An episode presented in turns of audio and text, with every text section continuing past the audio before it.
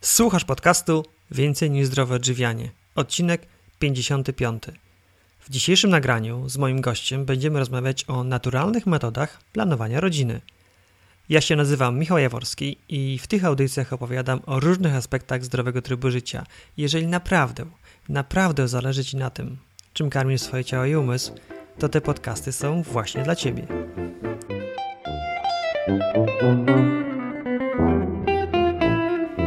Cześć, witam Cię szczególnie gorąco w tym przedświątecznym okresie. Ten odcinek podcastu będzie opublikowany 19 grudnia, czyli niecały tydzień przed świętami Bożego Narodzenia. Bardzo się cieszę, że kolejne święta przed nami. Ja w związku ze świętami mam bardzo miłe wspomnienia z dzieciństwa.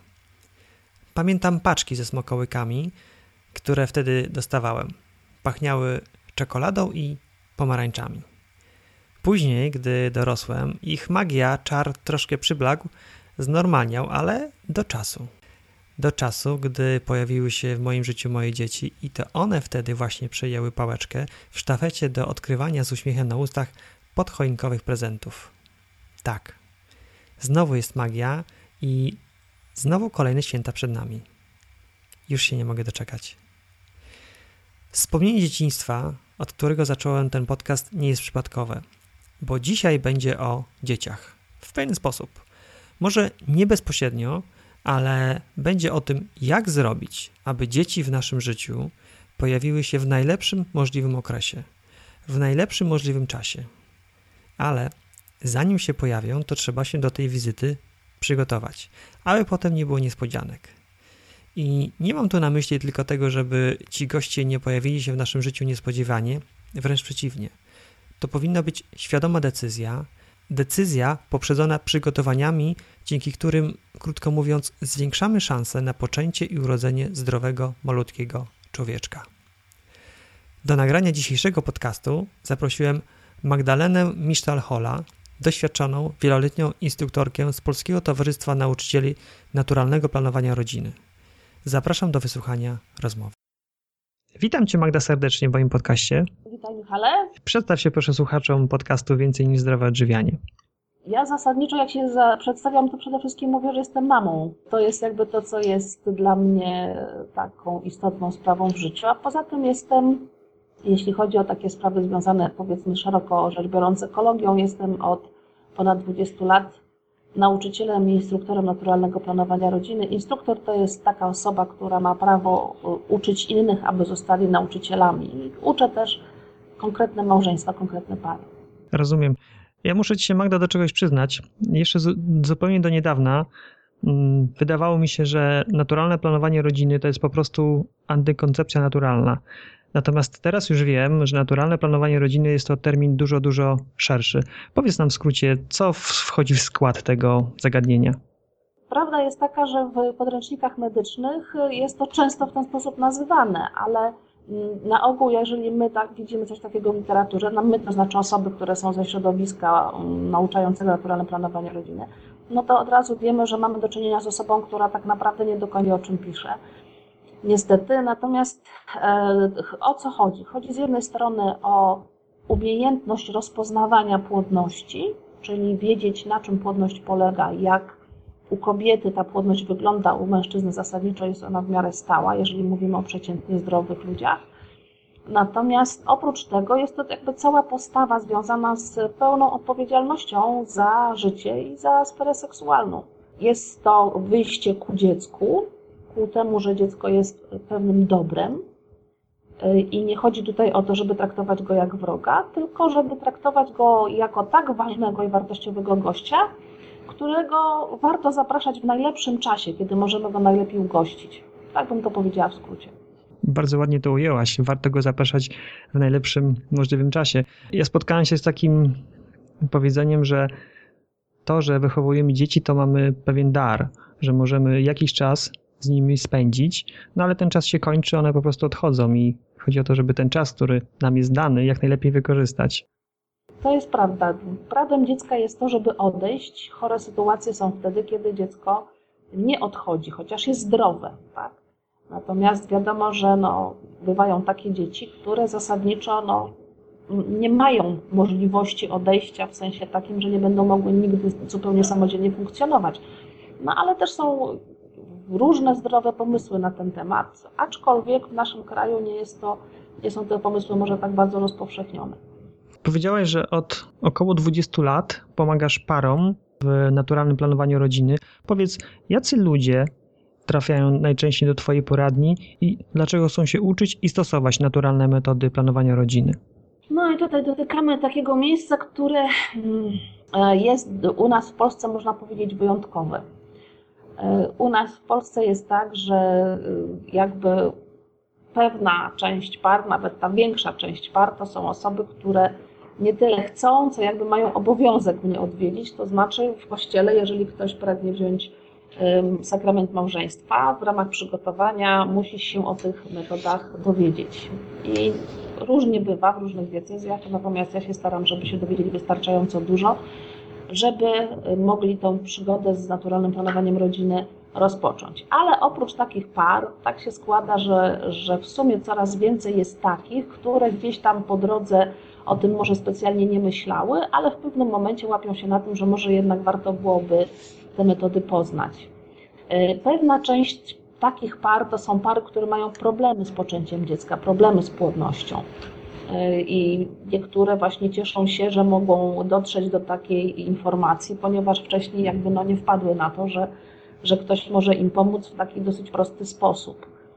Także takich par też wydaje mi się, patrząc takiej z perspektywy wieloletniej, mamy w tej chwili trochę więcej. Mamy też kursy, bo ja jestem osobą, która posiada dyplomy Polskiego Stowarzyszenia Nauczycieli Naturalnego Planowania Rodziny. Tym stowarzyszeniu mamy również lekarzy i nasze dyplomy są sygnowane przez Instytut Matki i Dziecka w Warszawie.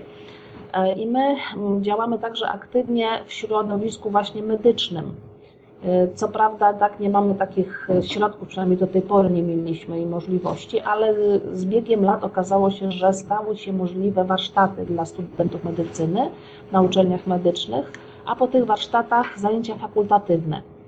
Nie jest to obowiązkowe, ale frekwencja jest całkiem dobra na tych zajęciach. Jeszcze może nie na wszystkich uczelniach w Polsce się one odbywają, ale w wielu już miejscach tak na pewno w Warszawie, na pewno w Lublinie, na pewno w Gdańsku, Poznaniu. Także to są miejsca, które, które już, y, tak, jeżeli ktoś z Uniwersytetu Medycznego chce zasięgnąć takiej naprawdę konkretnej, rzetelnej wiedzy, to może.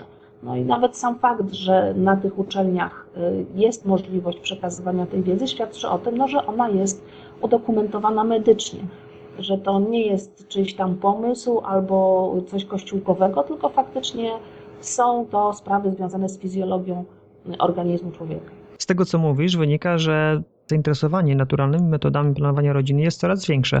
Jak myślisz, z czego to wynika? To już zostało zauważone jeszcze pod koniec lat 80., dlatego że y, w latach 80. były takie ogólnoświatowe badania nad naturalnym planowaniem rodziny. Te badania były przeprowadzone przez taką federację, która niestety już dzisiaj nie istnieje, ale nazywała się National Federation for Family Life Promotion. I ta federacja, która współpracowała ze Światową Organizacją Zdrowia, dzięki temu, że właśnie wtedy, w latach 80., zdecydowano się wyasygnować wystarczające na to kwoty, aby takie badania w różnych krajach świata, naprawdę przekroju praktycznie całego globu przeprowadzić. Dzięki temu dowiedzieliśmy się cokolwiek na temat tego, jak to wygląda.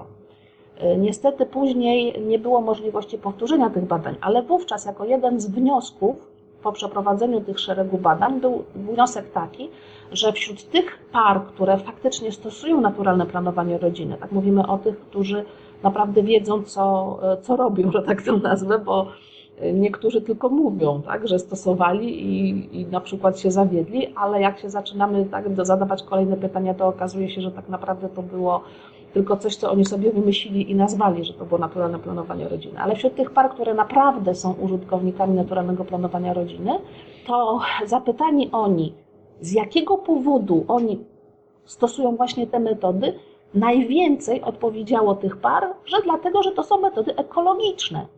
To była najbardziej powszechna odpowiedź spośród, jedynka spośród pierwszej siódemki. I tutaj mamy w Polsce taką postać pana profesora Włodzimierza Piołkowskiego, ginekologa położnika z Łodzi, który niestety już nie żyje, ale on mm, na różnych etapach swojego życia był zaangażowany właśnie w taką promocję zdrowego stylu życia, także szczególnie w tej sferze prokreacji. I o czym nie wszyscy może dzisiaj pamiętają, ale od niego zaczęły się w Polsce na przykład szkoły rodzenia. Pod koniec swojego życia, można powiedzieć, sformułował taki całościowy program e, prokreacji ekologicznej. I on powiedział, że to, jeśli chodzi o ekologię łona, ekologię człowieka, jeśli chodzi o sferę prokreacji, to ona powinna się zaczynać od e, przygotowania czystego środowiska naturalnego, czyli czystego organizmu mężczyzny, czystego organizmu kobiety, bo przecież w organizmie kobiety, mężczyzny powstają plemniki i od ich jakości zależy później życie nowego człowieka, a wiadomo, że ta jakość zależy od tego, na ile ten organizm jest czysty i zdrowy, to tym bardziej jeśli chodzi o organizm kobiety, który jest niszą ekologiczną dla przede wszystkim, tak, w którym przechowywane są komórki jajowe, bo wszystkie komórki jajowe, którymi jakby w ciągu życia kobieta dysponuje, powstają jeszcze kiedy dziewczynka jest w łonie matki, czyli do trzeciego miesiąca życia od poczęcia. Czyli to wszystko, co się dzieje później, Y, nie możemy my jako kobiety dodać ani jednej komórki jajowej do tego depozytu. Jakąś większą część tracimy na nasze dojrzewanie w ogóle płciowe, a później w każdym cyklu tak naprawdę, żeby jedna mogła się wydobyć z jajnika, potrzebne jest wsparcie kilku, także każdy cykl jest strata kilku komórek jajowych. I od czystości tego naszego organizmu zależy to, co się z tymi e, komórkami jajowymi będzie działo, tak? co się będzie działo w środku, wewnątrz nich, a tym bardziej w momencie, kiedy dojdzie do zapłodnienia i rozwoju dziecka, od tego, jak czyste będzie to środowisko, czyli organizm mamy, to najbardziej pierwotna nisza ekologiczna, zależeć będzie zdrowie dziecka w niemałym stopniu. Dlatego mówił właśnie o przygotowaniu do małżeństwa poprzez czystość, później przez naturalne e, planowanie rodziny, ponieważ no te środki, które są uważane za z antykoncepcyjnych, za najbardziej skuteczne, to jednocześnie bardzo mocno niszczą środowisko naturalne, jakim jest organizm kobiety, to znaczy przede wszystkim hormony, ale również w spirale wewnątrzmaciczne tak zwane.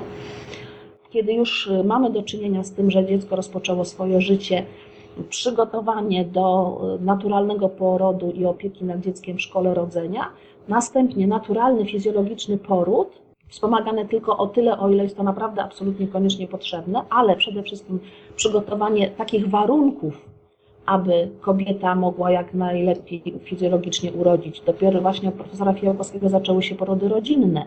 Pierwszym ośrodkiem, który e, organizował takie porody, była właśnie Łódź. I później przez naturalne karmienie, czyli karmienie dziecka mlekiem matki, on to mówił aż do zharmonizowanego dwurodzicielstwa bo on bardzo podkreślał rolę ojca i to może wyraz dwurodzicielstwo nie jest taki miły dla ucha, ale, ale zasadniczo chodziło o to, żeby tak i matka i ojciec trwali w tym wychowaniu dziecka i tworzeniu mu jak najlepszych warunków do rozwoju.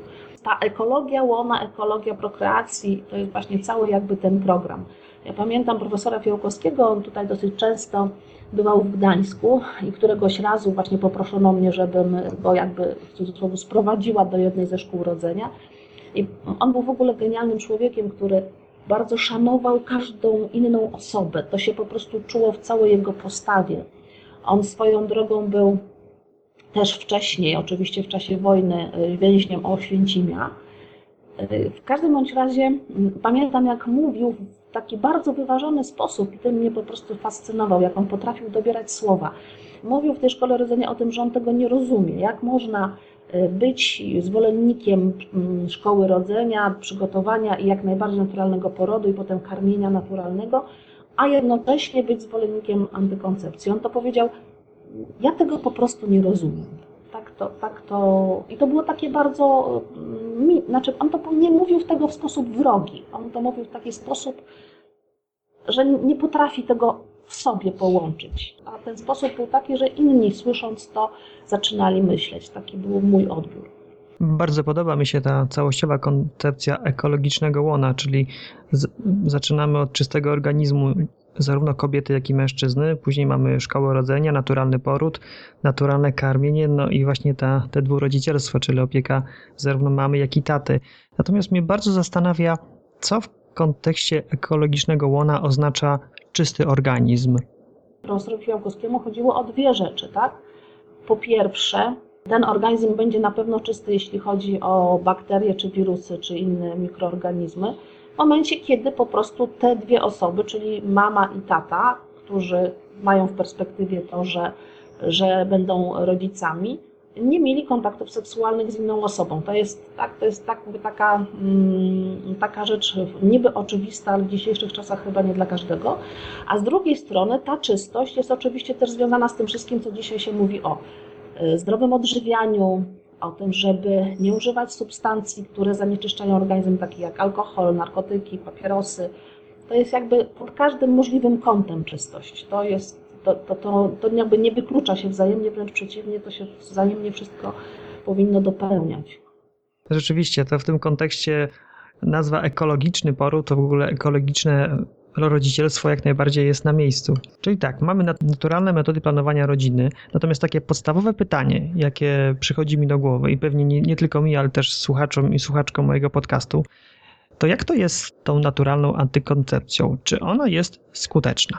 Ja w ogóle się zastanawiam, czy istnieje coś takiego jak naturalna antykoncepcja, bo w przyrodzie nie ma takiego e, działania e, naturalnego, które by jednocześnie było działaniem seksualnym i jednocześnie zapobiegałoby temu, żeby to wszystko się potoczyło dalej, czyli żeby nastąpiło poczęcie dziecka, jego rozwój i poród. Są naturalne reakcje organizmu e, na niektóre niesprzyjające warunki, które polegają na tym, tak, ale nie ma w tym ingerencji z zewnątrz, które na przykład polegają na tym, że obumiera zarodek, nie może się dalej rozwijać w niektórych gatunkach zwierząt, ale nie ma czegoś takiego jak ingerencja y, aktywna z zewnątrz.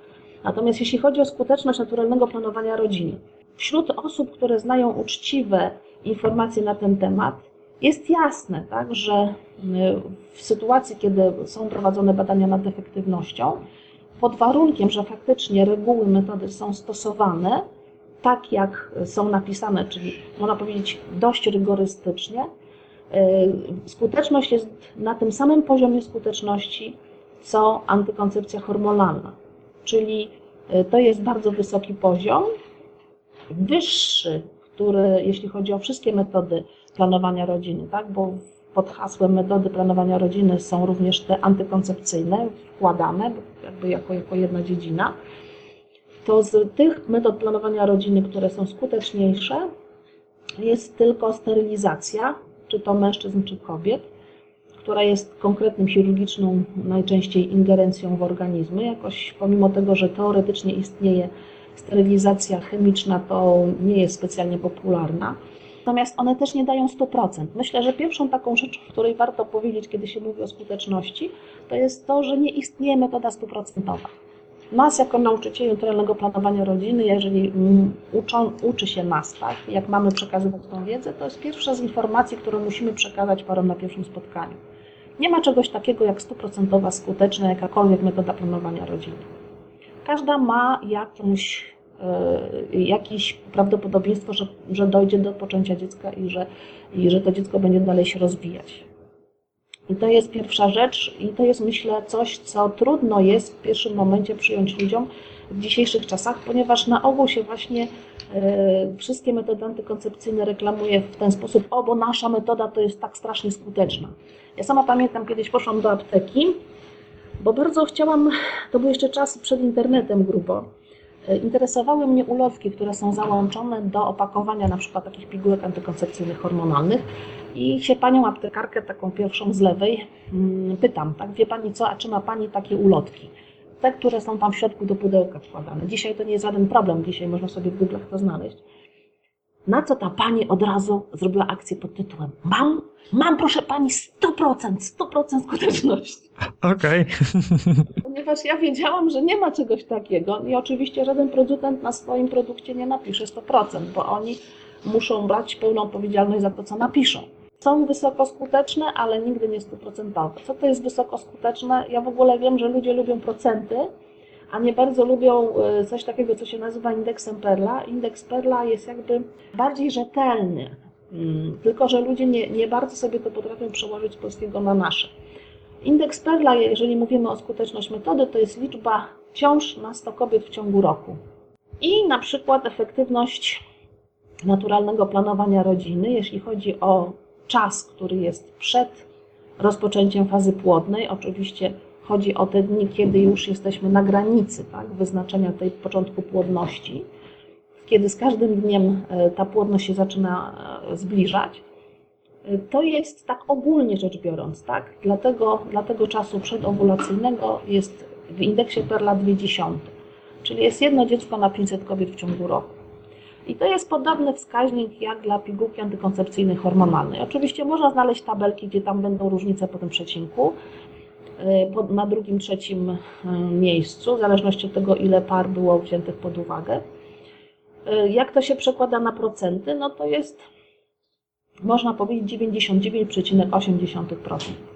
To jest ten poziom skuteczności. To bardzo wysoki, natomiast ja tak się zastanawiam, jak to jest z praktycznym zastosowaniem naturalnych metod planowania rodziny? Czy to nie jest przypadkiem tak, że one są tak skuteczne, tak jak mówisz, dzięki temu, że przez większość czasu pary po prostu utrzymują abstynencję? To jest tak, że im więcej jest obserwacji, takich konkretnych obserwacji zanotowanych, i to w dzisiejszych czasach mogą być te obserwacje zanotowane różnie, tak? Może to być zanotowane na papierze, co paradoksalnie okazuje się niekiedy najtrwalszym sposobem notowania, Mogą być to obserwacje notowane w komputerze, mogą być to obserwacje notowane w aplikacji, którą na przykład dziewczyna ma w swoim telefonie. E, więc jeżeli mamy konkretne, zanotowane obserwacje, to im więcej jest tych obserwacji, tym więcej dni niepłodnych można w cyklu znaleźć. Także też ta sprawa zależy od e, doświadczenia konkretnej pary. My mówimy, że para jest doświadczenia w stosowaniu naturalnego planowania rodziny, jeśli ma 12 E, zaobserwowanych cykli, bo to jest tak też, że mogą się pewne rzeczy zmieniać w zależności od pory roku. Jednym z powodów, dla których może się coś zmienić w cyklu, może być to, że sobie kobieta wyjedzie, y, zmieniając totalnie klimat. I to się w dzisiejszych czasach zdarza częściej niż bywało niegdyś. I wiele kobiet konstatuje ten fakt, tak, że jak sobie sfunduje jakąś dłuższą podróż, szczególnie północ-południe, to wtedy w tym cyklu coś się innego dzieje. Zdarza się też i tak, i bywały takie na przykład upalne lata, kiedy dziewczyny, które prowadziły obserwacje, widziały, że te cykle zupełnie są inne niż te z jesieni, wiosny i zimy. Także nie zawsze to jest tak, że to my jedziemy i zmieniamy klimat, ale czasami ten klimat zmienia, przychodzi do nas inny, tak? To, to, to zmiana klimatu następuje nie dlatego, że myśmy gdzieś wyjechały, tylko on sobie jakoś tam do nas przywiało go. O, może w ten sposób. Ale jeżeli mamy takich 12 obserwacji, to mniej więcej widzimy, jak nasz organizm reaguje na pory roku, jak nasz organizm reaguje na różne sytuacje, które nam się w życiu dzieją, e, jak nasz organizm reaguje na, na lekarstwa i choroby. Po prostu kobieta może się jakby poznać samą siebie i to jest jedna z wartości dodanych, którą mają te metody. Wiele kobiet, które zaczynają prowadzić obserwacje, mówią tak: Ja nareszcie wiem, co się we mnie dzieje. Ja nareszcie potrafię siebie bardziej pokochać, pokochać swoją kobiecość. Potrafię y, siebie bardziej zrozumieć, potrafię nabrać może więcej dystansu, y, mam większą jakby poczucie kontroli nad tym, co się we mnie dzieje, potrafię się jakby swoim ciałem zaprzyjaźnić. To jest taka wartość dodana do, do prowadzenia obserwacji swojego cyklu. A oprócz tego jest to informacja o stanie zdrowia, bo w dzisiejszych czasach wiele dziewczyn żyje totalnie po wariacku i po prostu organizm protestuje i pokazuje to w obserwacjach. Jeżeli faktycznie dziewczyna totalnie siebie zaniedba, jeżeli się źle odżywia, jeżeli prowadzi niehigieniczny tryb życia, to to będzie widać. To jest wołanie organizmu o to, żeby po prostu przystopować i zaopiekować się samą sobą. To też nam w dzisiejszych czasach kobietom jest potrzebne. Czyli obserwacje to jest no, obserwowanie swojego organizmu, notowanie i jeżeli przez 12 cykli to robimy, czyli tak z grubsza licząc przez rok, no to możemy uznać, że para jest już doświadczona i że wtedy może w pełni korzystać z zalet naturalnego planowania rodziny. Tak, ale dni niepłodne mogą się już pojawić i najczęściej pojawiały się już w pierwszym obserwowanym cyklu. Tylko, że na początku są te reguły tak sformułowane, żeby to było takie dosyć ostrożne pozwalające na to, żeby się jakby oswoić z metodą, a jednocześnie zachowujące wysoką skuteczność metody.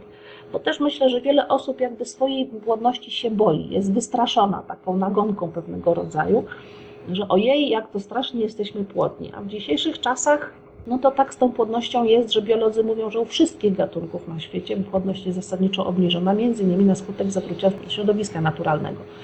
W sumie do tej pory nie zmienia się fakt, że jeżeli przeciętnie płodna para pragnie poczęcia dziecka, to ma szansę jak do trzech razy sztuka, czyli w trzecim cyklu najprawdopodobniej im się uda.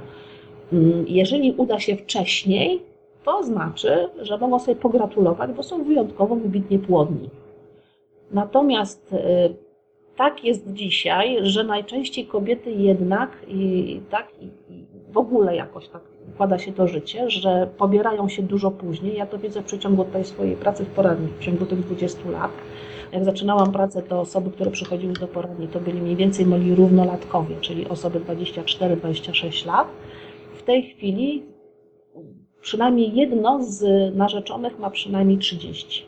Więc jakby to się układa inaczej i tutaj też warto pamiętać o tym, że od 35 roku życia u kobiety ta płodność zaczyna naprawdę spadać. I może spadać bardzo wyraźnie. To oczywiście też zależy od czynników dziedzicznych, ale zasadniczo to jest taki proces, który toczy się dużo szybciej niż u mężczyzny, bo praktycznie u mężczyzny płodność w sensie produkcji plemników, jeżeli nie było żadnych nadzwyczajnych wydarzeń życiowych, będzie trwała do końca życia. Kobiety ten czas się niestety szybko dosyć kończy, więc im później zaczynamy y, myśleć o dzieciach, tym w sumie musimy mieć tak, w głowie, to, to, to może nie być trzeci, tylko dopiero czwarty albo piąty cykl. Ja bardzo lubię liczby, więc będę drążył temat. Załóżmy, że mamy taką przeciętnie płodną kobietę, która zaczyna swoje, obserwować swoje ciało i ile w ciągu pierwszego cyklu może zaobserwować dni niepłodnych, a jak to będzie wyglądało po roku obserwacji? Są różne systemy interpretacji tych sygnałów z ciała kobiety. Pierwszy, ten system, którego my uczymy w naszym stowarzyszeniu, jest oparty o badania opracowane w Birmingham y, w Szpitalu Królowej Elżbiety przez dr y, Annę Flynn i doktora Johna Kellego. Tam była taka komórka badawcza. Ta metoda została, jeśli chodzi o system edukacyjny, również tak dopracowana dokładnie, ściśle według wskazówek Światowej Organizacji Zdrowia. I tam jest tak, że y, w zależności od tego, jakie jest doświadczenie tej kobiety na starcie, bo na przykład są kobiety, które y, sobie wcześniej notują dokładnie przynajmniej pierwszy dzień krwawienia, tak? Czyli w tym momencie mamy możliwość takiego pewnego stwierdzenia, jaka jest długość jej, jej cykli. Chodzi o najkrótszy i najdłuższy, tak? Tutaj niczego nie uśredniamy. Ludzie bardzo lubią mówić o średnich, a tu jest prawda taka, że nas interesują wartości skrajne, a nie średnie. I jeżeli ona y, ma już jakieś konkretne informacje, na których możemy się z pewnością oprzeć, bo jeżeli to nie jest zanotowane, to w zasadzie no, nie mamy się no, o co oprzeć. A jeszcze jeżeli do tego na przykład wcześniej coś wiedziała o obserwacji śluzu i uważa, że ona jest w stanie dobrze to rozpoznać, to jest na starcie w lepszej sytuacji niż kobieta, która jeszcze do tej pory nie notowała dokładnie nic. I może ja powiem o tym systemie dla kobiety, która jeszcze niczego wcześniej nie obserwowała to, ile będzie dni niepłodnych według reguł, zależy od tego, jak faktycznie ten cykl wygląda, ale przede wszystkim jeśli chodzi o część poowulacyjną. Dlatego, że każda kobieta może mieć swoją długość cykli. Zasadniczo mówimy, że większość cykli mieści się gdzieś tak pomiędzy 25 a 30 parę dni. Różnie długa może być właśnie ta faza poowulacyjna. U zdrowej kobiety może być to od minimum 10 dni do, to znaczy samej fazy, z czego dni niepłodnych będzie przypuszczalnie, bo to jeszcze zależy jak się ułożą wskaźniki, tak, ale około 7 dni będzie prawdopodobnie niepłodny. To jest po prostu konkretna sprawa konkretnej kobiety. A maksymalna długość tej fazy to jest 16 dni, gdzie prawdopodobnie przy takiej długości fa fazy jest szansa, że tak się wskaźniki ułożą, że tych dni będzie ponad 10. Ale ja nie bardzo lubię mówić tak. Ja, ja nie raz byłam w szkole, kiedy mnie się pytali, a ile jest tych dni niepłodnych?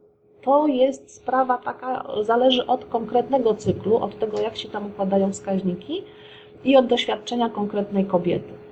Z tym, że zaczynamy tak w naszym systemie od tego, że wyznaczamy niepłodność poowulacyjną, dając więcej czasu na to, żeby nauczyć się tego, co jest według badań najtrudniejsze, czyli rozpoznawania pierwszego objawu śluzu.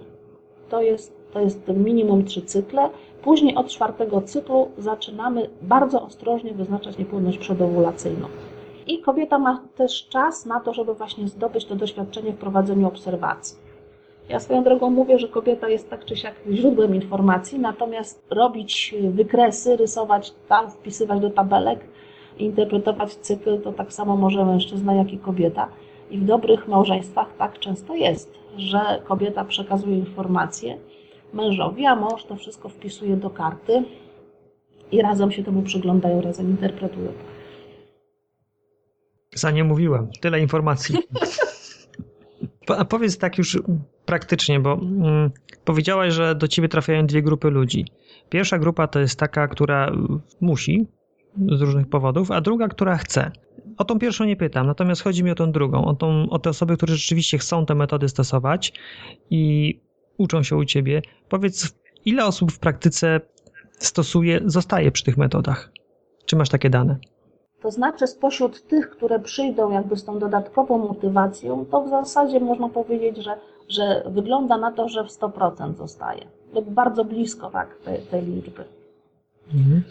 Bo tak naprawdę metody nie są trudne, szczególnie jeżeli przychodzą obie zainteresowane osoby, czyli i mąż, i żona.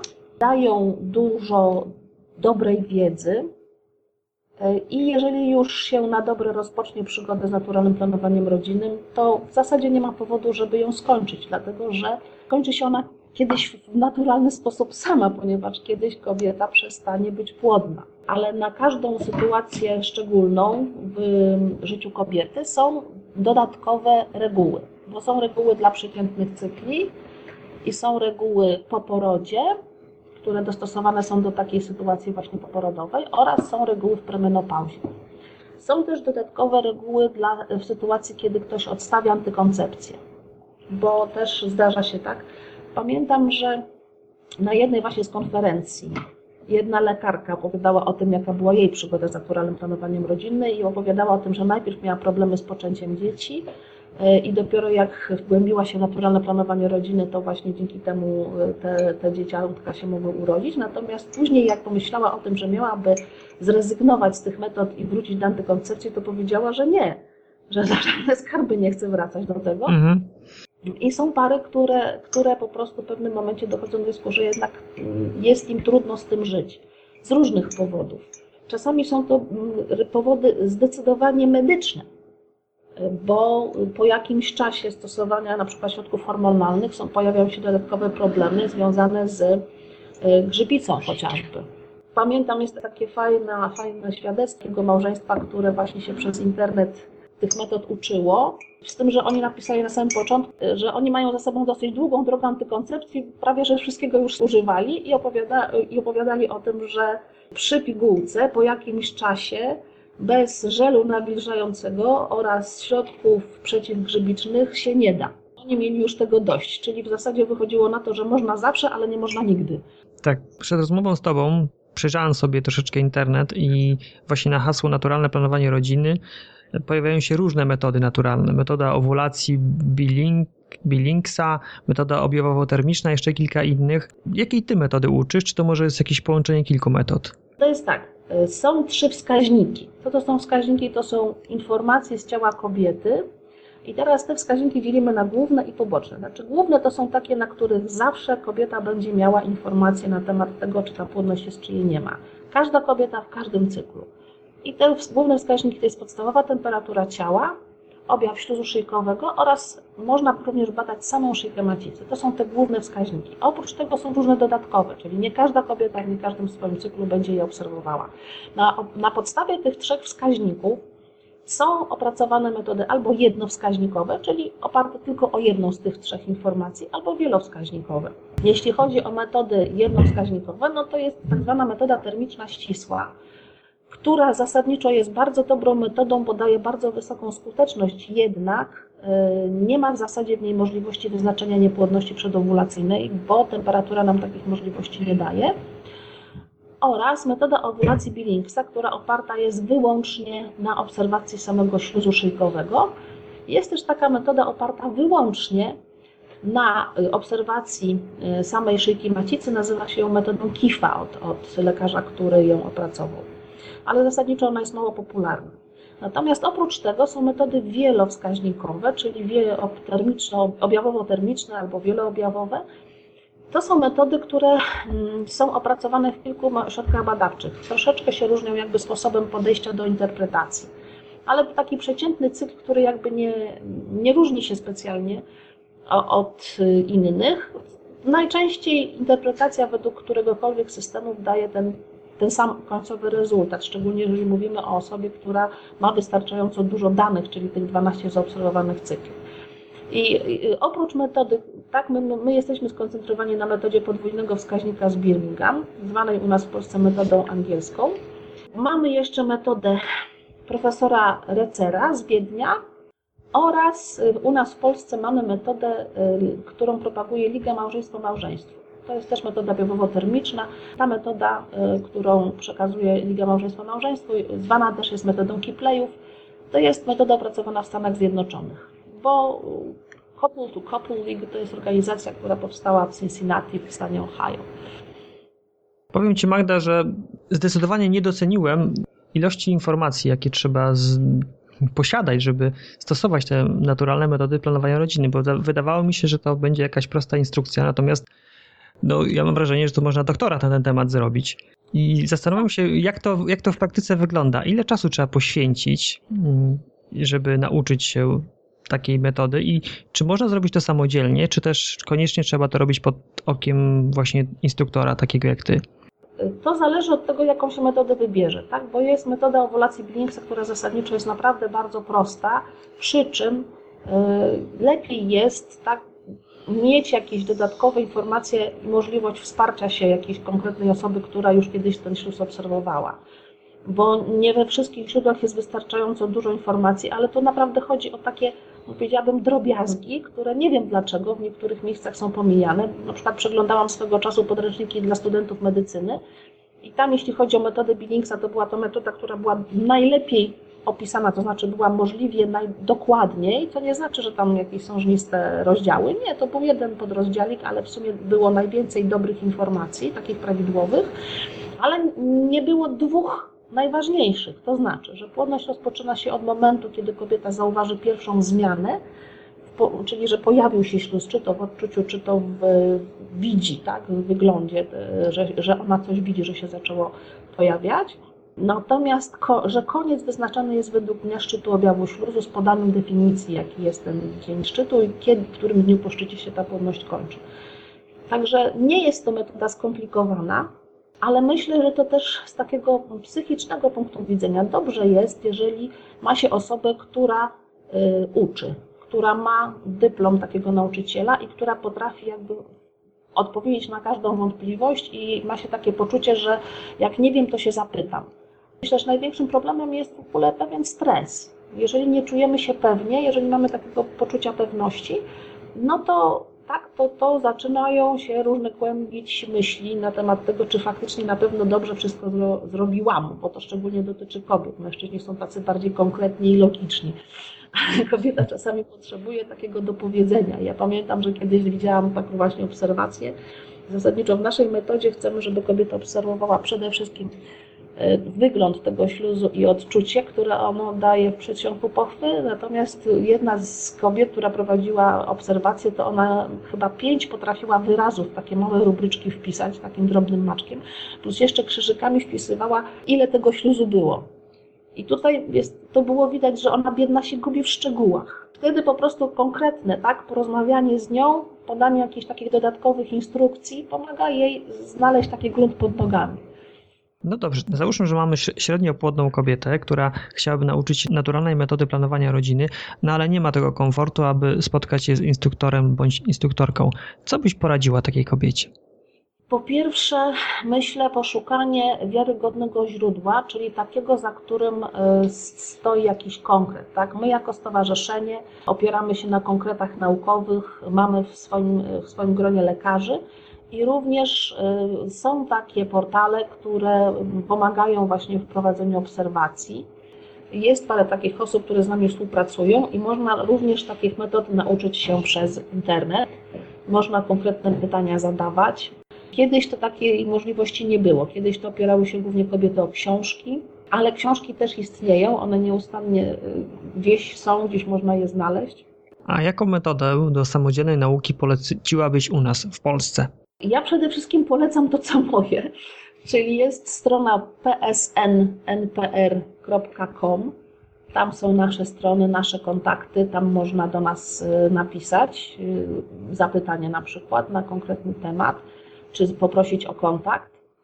Natomiast wiem, że, że wiele osób, jeżeli doszło do faktycznie książki autorstwa doktora Billingsa, czy doktor Evelyn Billings, bo żona pana Billingsa też jest lekarzem, ona żyje, doktor Billings zmarł w 2007 roku i w Polsce były publikowane książki z tej metody. Jeżeli ktoś chce, bo przez internet też można zamówić książkę, dotrzeć do tej metody, to w oparciu o książkę faktycznie tej metody można się dość dobrze nauczyć. Ja znam takie osoby, które sobie z tym poradziły. Magda, a powiedz, czy stosując metody naturalnego planowania rodziny, można w jakiś sposób wpłynąć na płeć dziecka? Y, można próbować. Lekarze, z którymi na ten temat rozmawiałam, mówili, że to jest prawdopodobieństwo 75%, że się może udać.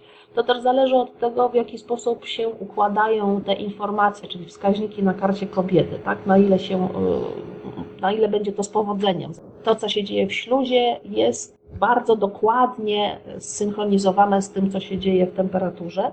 Wiadomości są takie, że na samym początku objawu śluzu, jeżeli kobieta obserwuje dopiero pierwsze sygnały, że ten śluz się pojawia, jeżeli wtedy się wybierze mm, czas na współżycie, to jest około 75% prawdopodobieństwa, że się pocznie dziewczynka.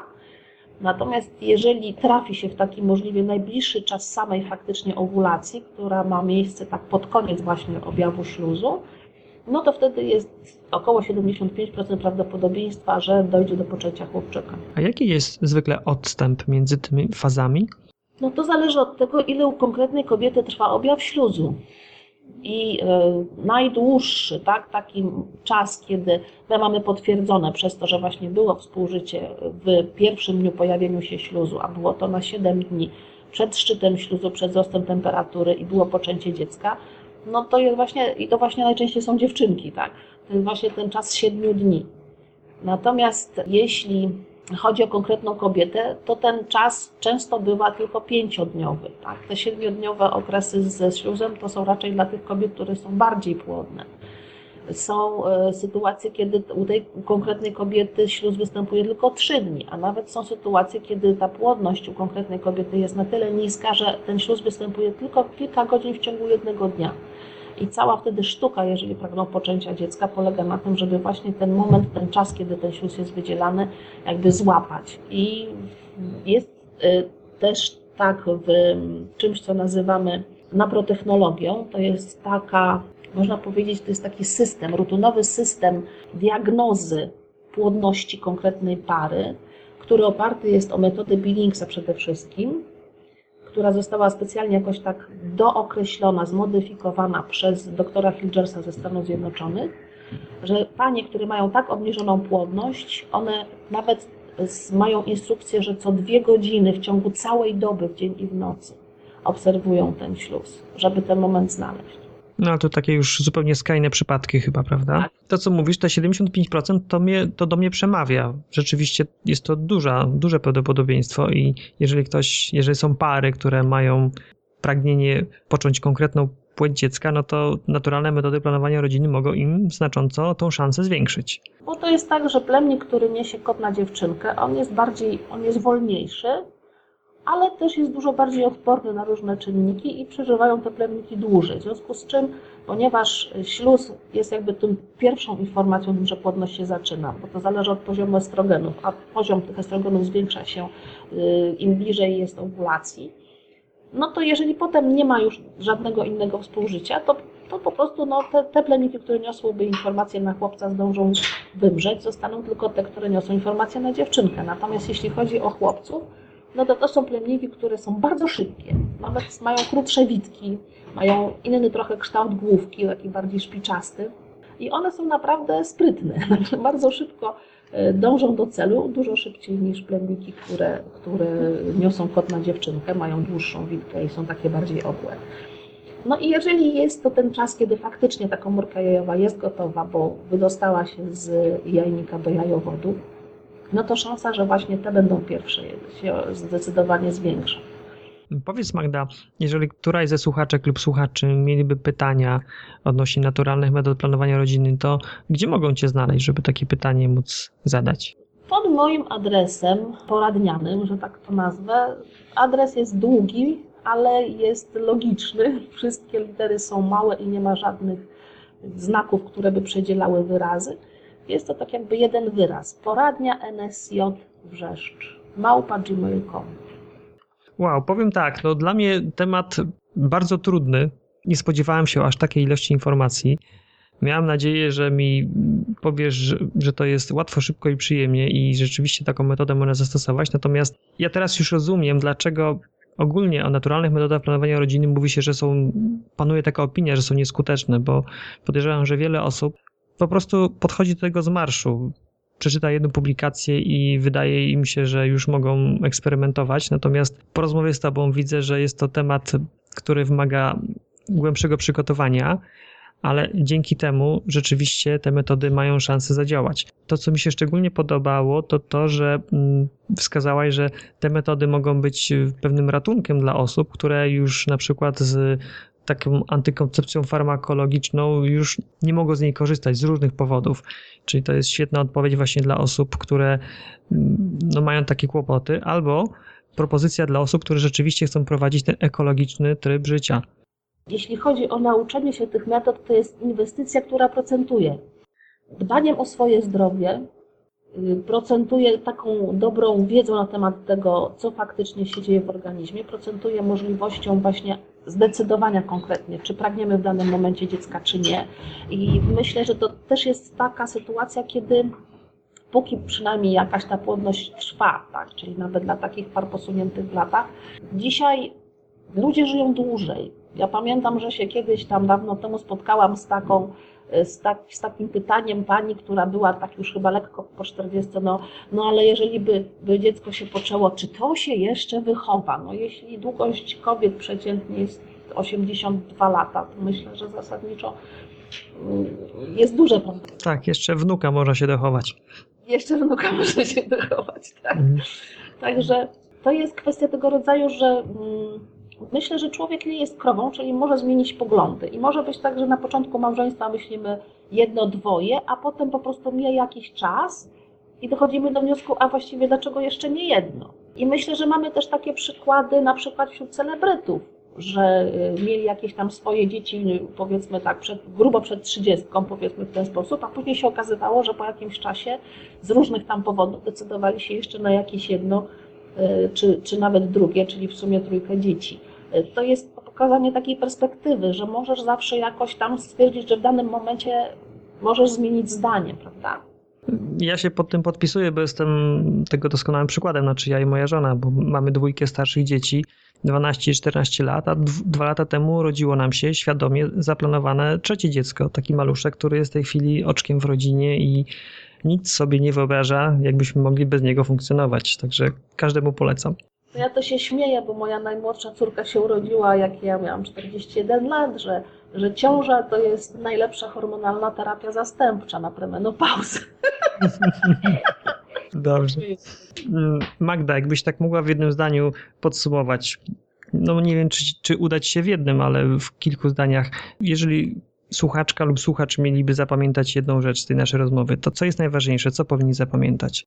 Po pierwsze, żeby szukać informacji z najbardziej wiarygodnych źródeł, żeby sprawdzać, na czym opiera się, jak mają informacje z internetu, na czym ta konkretna osoba, która pisze, się opiera.